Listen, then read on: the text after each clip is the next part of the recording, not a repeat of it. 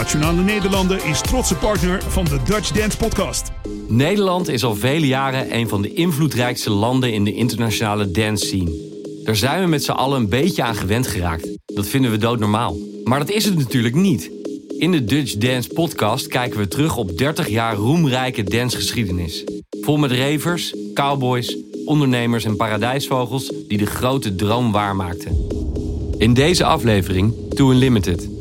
Too Unlimited is met afstand de best verkopende Nederlandse act aller tijden. Al zaten achter de zegentocht van de Nederlandse idolen Ray Slijngaard en Anita Dot twee Belgen. Producer Phil Wilde en platenbaas Jean-Paul de Koster. Met z'n vieren maakten ze radiovriendelijke elektronische muziek. In een tijd dat de dance zich afspeelt in een handvol hippe randstedelijke clubs... laten zij een hele generatie, of beter gezegd de hele wereld... kennismaken met de housebeat. Daarom kan de invloed van Too Unlimited op Dutch Dance niet worden overschat. Het verhaal van Too Unlimited is er een van ups en downs. Van wereldwijd succes, stardom en complimenten van Michael Jackson...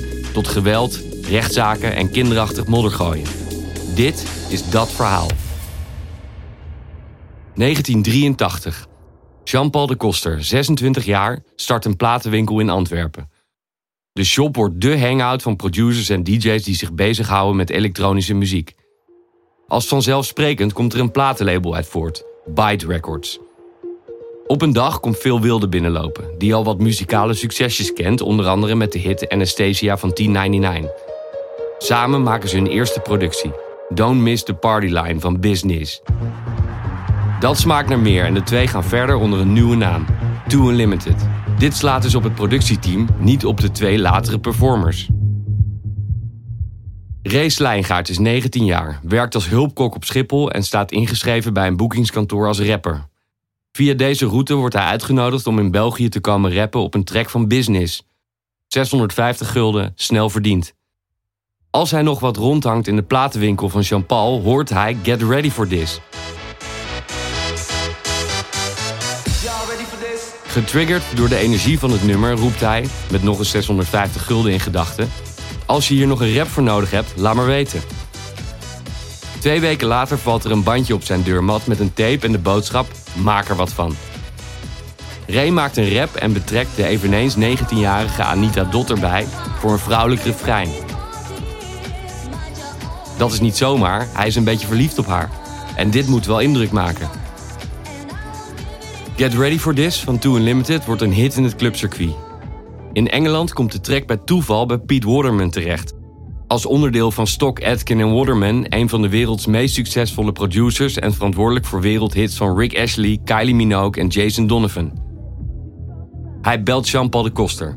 I want this, it's a hit! Door de marketingmachine van Waterman krijgt het concept Too Unlimited vorm. Anita als woman warrior met de overwinnaarsblik. Ray als stoere, wildgebarende rapper, inclusief meedijdend vlechtje. Door de power van Waterman bereikt Get Ready for This de nummer 2 in de UK charts. De belangrijkste hitlijst van Europa. En dan is het hek van de dam.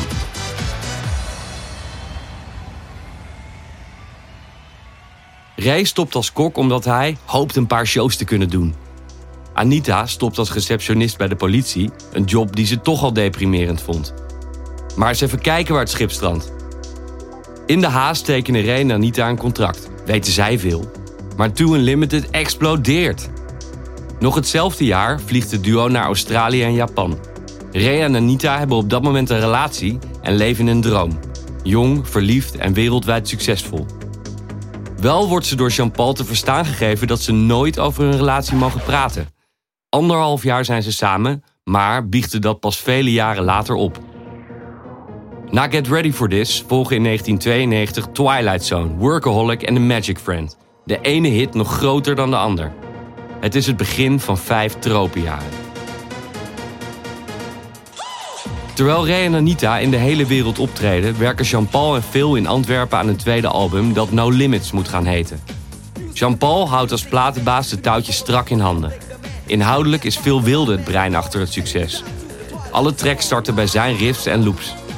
Later denken Ray en Anita mee over rap en refrein. Het is de bedoeling dat Tribal Dance de grote hit van het album gaat worden. Phil heeft ook nog wat bonus tracks op de plank liggen. Een ervan is gebaseerd op de hit Poing van Rotterdam Termination Source, en heeft wel de energie, maar mist nog wat.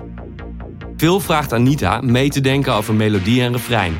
Zij wil op haar beurt een onvervalste oorworm maken. Iets simpels dat in je hoofd blijft hangen, zoals Gypsy Woman van Crystal Waters. In de auto op weg naar de studio krijgt ze een ingeving. No, no, no, no, no, no. In de studio juicht veel van blijdschap. Dit is het helemaal. Ondertussen zijn de pijlen dan nog gericht op tribal dance, maar Anita ergert zich aan de tekst van het nummer. Jean-Paul verbiedt haar teksten aan te passen. Dat laten we aan de echte tekstschrijvers over.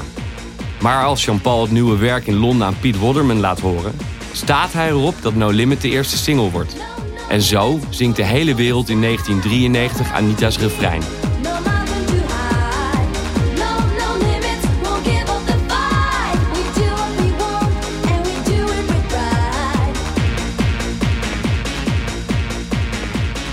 No Limit bereikt in 35 landen de nummer 1 en in tientallen andere landen de top 5. Ook Tribal Dance wordt een wereldwijde hit. Is het ten tijde van Get Ready toch vooral de kracht van de muziek? Bij het tweede album is de invloed van Ray en Anita groter. Als het album No Limits wordt uitgebracht, regent het gouden platen en awards. Het gaat de hele wereld rond. Faces, Maximum Overdrive en Let the Beat Control Your Body zijn hits 7, 8 en 9. Optredens zijn veelal één groot gekkenhuis. In Maleisië staan ze voor 500.000 man. In Brunei geven ze een privéconcert voor de sultan. In Rusland wordt het duo tussen 20 zwaar bewapende militairen naar het podium begeleid. En op de World Music Awards in Monaco swingt Michael Jackson op zijn stoel mee met het energieke optreden van Ray en Anita.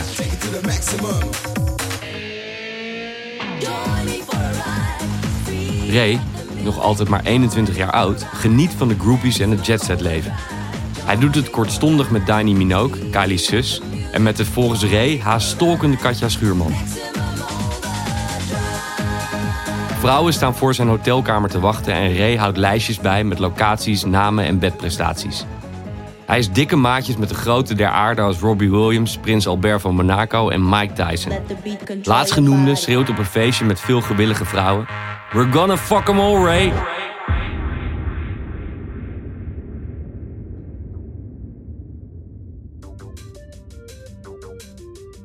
Ray en Anita zetten een punt achter hun relatie. Elke dag met je vrouw op stap is niet te doen, zegt Ray daarover. Volgens Anita blijft hij bezitterig en jaloers. Anita deelt niet in zijn rocksterrenleven. Zij heeft een groot plichtsbesef om alles professioneel en netjes te doen. Daarnaast breekt het feesten tot vier uur s'nachts haar al snel op. Ray ligt ochtends in de tourbus vaak zijn roes uit te slapen terwijl Anita naar buiten kijkt. Anita en Ray vervreemden niet alleen van elkaar, maar ook van de Belgische producers. Hierover hebben ze allemaal hun eigen lezing. Anita zingt tracks in van 10 tot 5. Om 7 uur komt Ray om zijn deel op te nemen. Jean-Paul zien ze nooit. Die zegt te druk te zijn met het zakelijke gedeelte. Phil stelt dat de rest over hem denkt: laat die maar lekker produceren in de studio. Op 6 juni 1994 presenteren Ray en Anita in Disneyland Parijs hun derde album groots aan de internationale pers. Real Things staat weer helemaal vol met hits. The Real Thing, No One, Here I Go en Nothing Like the Rain. Maar achter de schermen rommelt het. Jean-Paul voelt dat de honger eruit is. En er is wat herhaling en voorspelbaarheid ingeslopen. En bovendien is de chemie tussen Ray en Anita weg. Wat heet. De sfeer tussen de twee is tot een nulpunt gedaald. Kort voor de presentatie van Real Things zijn Ray en Anita op tour in Tokio. De twee hebben al een tijd niets meer samen. Ray zit op de hotelkamer van Anita en neemt de telefoon op. Maxime, zanger van The Prodigy, belt Anita voor een date. Ray wordt kwaad op Maxime en zegt: Je moet met je poten van Anita afblijven. En hangt op. Anita en Ray krijgen heftige ruzie. Die begint met een klap in Anita's gezicht en eindigt met een worsteling op het tapijt. Ray op Anita's rug, slaand met zijn vuisten en trekkend aan haar haren. Anita uit zich in de liedjes. In Here I Go bijvoorbeeld, waarin ze duidelijk wil maken: ik trek het niet meer. Het is te veel. Ik raak depressief. Hetzelfde geldt voor Do What's Good For Me met de zin I'm taking my life in my hands. I'm gonna do what's good for me. Die track verschijnt in 1995 op Hits Unlimited, het vierde album van Two Unlimited. Het album bevat 13 hits en drie nieuwe nummers. Do What's Good For Me, Jump For Joy en Spread Your Love worden allen weliswaar hits, maar toch minder dan de standaard is bij de groep.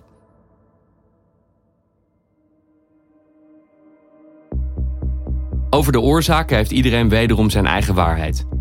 Phil vindt de situatie tussen Ray en Anita het grootste probleem. Ray voelt zich niet thuis in Phil's nieuwe studio.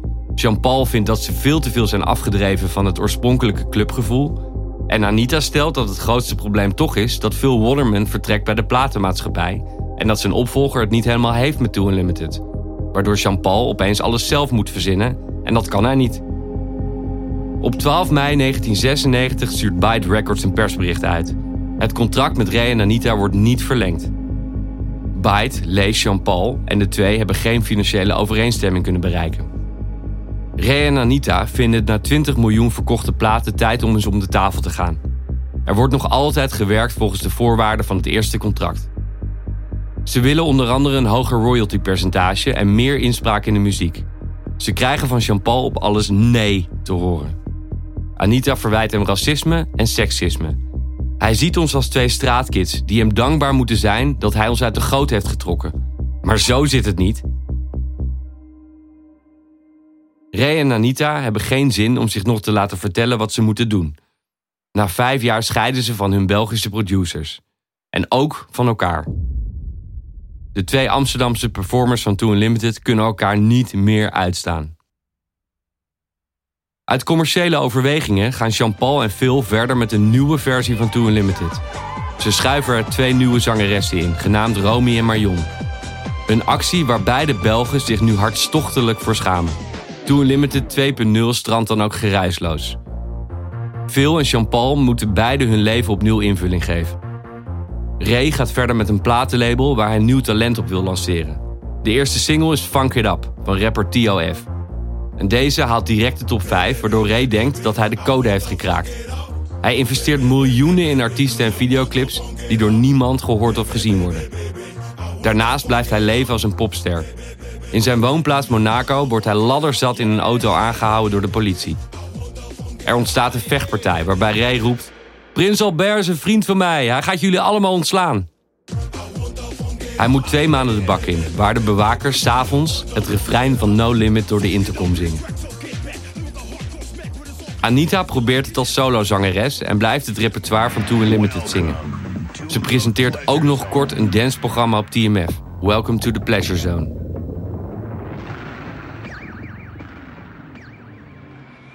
Dertien jaar later, in 2009, staan Ray en Anita weer samen op het podium. Het Museumplein in Amsterdam tijdens Koninginnedag. Niet als Too Unlimited, want dat mag niet van Jean-Paul, maar wel met het oude repertoire. Ze hebben een en ander uitgesproken en zien het zitten weer te gaan optreden. De boekingen hiervoor stromen binnen. Uiteindelijk worden ook de Belgen weer betrokken en mag Too Unlimited weer optreden als Too Unlimited. Dat gebeurt ook. Vier jaar lang, iedere week, met heel veel plezier en succes. Maar ja, dan komen de oude problemen weer bovendrijven. Jean-Paul komt met allerlei contractuele eisen. De nieuwe muziek van Phil wordt niet gewaardeerd. En Ray brengt een autobiografie uit die volgens de andere drie vol staat met onzin. Ook gezellig, Ray en Anita beschuldigen elkaar van alcoholmisbruik. De situatie is onhoudbaar. Op 15 november 2016 is de laatste gezamenlijke show in het Duitse Mannheim. Ray en Anita zijn blij van elkaar verlost te zijn.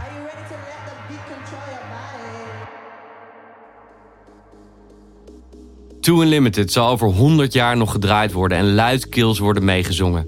Het concept van zangeres met rapper op een energieke, toegankelijke beat is gedurende de 90s tientallen keren succesvol gekopieerd. Voor miljoenen mensen was dit dé kennismaking met de elektronische muziek. Voor Armin van Buren, vijf keer verkozen tot populairste DJ ter wereld, was Too Unlimited dé grote inspiratiebron. Die glans hebben de latere problemen tussen de hoofdrolspelers er gelukkig niet vanaf gekregen.